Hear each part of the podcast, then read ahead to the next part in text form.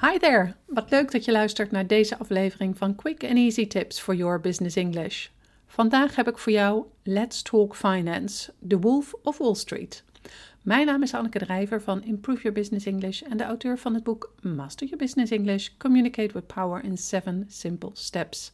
Ik help jou als ondernemer of senior business professional van je middelbare school Engels af, zodat je ook internationaal met impact en vol zelfvertrouwen in het Engels kunt communiceren, maar bovenal volledig jezelf kunt zijn.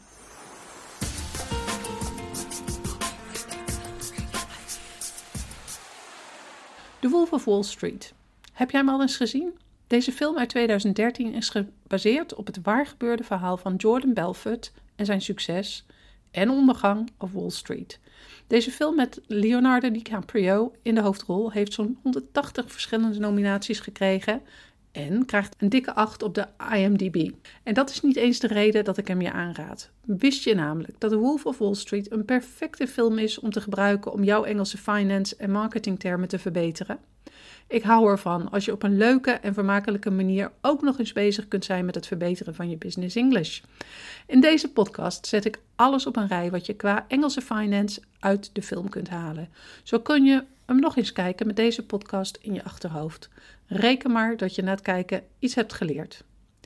Ten eerste ga ik het hebben over een aantal Engelse basistermen die in de finance veel gebruikt worden. Deze komen heel veel voor in de Wolf of Wall Street en worden in real life ook veel gebruikt. Stocks are shares, of in het Nederlands een aandeel. Dit is een financieel product waarbij je een stukje eigendom in een bepaald bedrijf koopt. Wanneer de waarde van het bedrijf stijgt, heb je recht op een deel van het succes. Ook is het risicovol, want de waarde van het bedrijf en dus van jouw aandeel kan ook flink zakken. Andere belangrijke Engelse kernwoorden die hierbij aansluiten zijn ownership, value, to purchase a stock, profit en loss. Quotes. Quotes is een afkorting voor stock quotes, wat in het Nederlands aandeelkoers wordt genoemd. Dit is de prijs van een aandeel zoals genoteerd op een beurs. Quotes bevatten meestal meer dan alleen de verkoopprijs. Ze omvatten ook de aankoopprijs en het verhandelde volume, wat het aantal gekochte en het aantal verkochte aandelen is. Andere belangrijke Engelse kernwoorden die hierbij aansluiten zijn stock exchange, selling price, buying price en volume traded. Blue chip. Het personage dat Leonardo DiCaprio speelt noemt in de film meerdere keren het begrip blue chip stocks. Blue chip is een uitdrukking die de hoogste waarde betekent. Dit komt van de blauwe chip in poker, die de hoogste waarde heeft ten opzichte van de andere gekleurde chips. Blue chip aandelen zijn over het algemeen gevestigde, financieel veilige bedrijven. Ze zijn stabiel, wat inhoudt dat ze niet snel zullen groeien en niet snel waarde zullen verliezen. Een vraag aan jou. Wat denk je dat Leonardo bedoelt als hij vrouwen blue chip ladies noemt?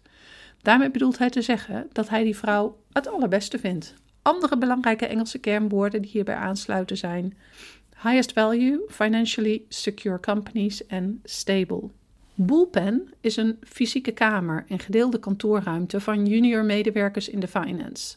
Senior medewerkers hebben hun eigen kantoor, terwijl junior medewerkers in de bullpen werken.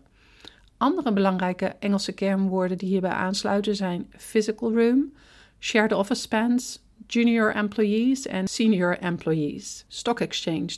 De stock exchange wordt in het Nederlands ook wel beurs genoemd en is een soort marktplaats voor aandelen en andere financiële producten. Beurzen kunnen zowel op fysieke als elektronische locaties zijn. Bedrijven moeten aan eisen voldoen voordat ze aandelen op de beurs verkopen. Per beurs kunnen die eisen verschillen. Andere belangrijke Engelse kernwoorden die hierbij aansluiten zijn marketplace, requirements en to list stocks. Naast deze belangrijke Engelse finance-termen komen er in The Wolf of Wall Street een groot aantal uitdrukkingen en termen langs die mega relevant zijn in de Engelse finance.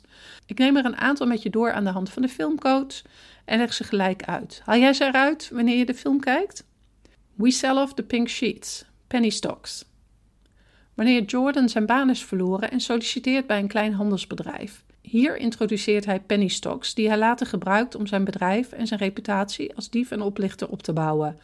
Maar wat zijn pink sheets? Kleine bedrijven voldoen soms niet aan de eisen om hun aandelen op een aandelenbeurs te verhandelen. Deze bedrijven kunnen hun aandelen over de counter verkopen, waarbij er dus geen beurs aan te pas komt. Hierbij werden de beurskoersen op roze papier gedrukt, vandaar de naam Pink Sheets. Bedrijven die handelen via Pink Sheets zijn vaak klein en moeilijk te vinden, wat het beleggen risicovol maakt. Tegelijkertijd hebben deze bedrijven wel een grotere potentie voor een hoog rendement.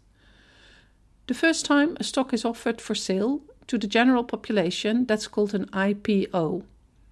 De quote zegt het eigenlijk al. Een IPO of Initial Public Offering is de eerste keer dat een bedrijf aandelen aanbiedt voor aankoop. De Engelse uitdrukking taking it public verwijst ook naar een IPO. Wanneer je zegt let's take it public, bedoel je dat je aandelen aan gaat bieden op de markt.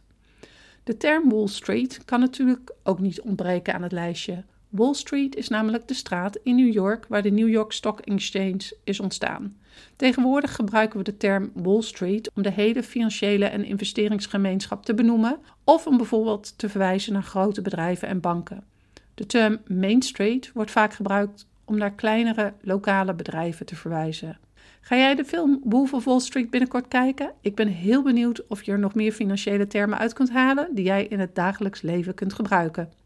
Als je deze aflevering hebt geluisterd, zou ik het enorm op prijs stellen als je een review voor ons zou willen schrijven op SoundCloud of iTunes of een beoordeling voor ons zou willen achterlaten op YouTube. Een reactie van jou helpt anderen om onze podcast te kunnen vinden en daarmee hun Engels te verbeteren. See you next time met quick and easy tips for your business English.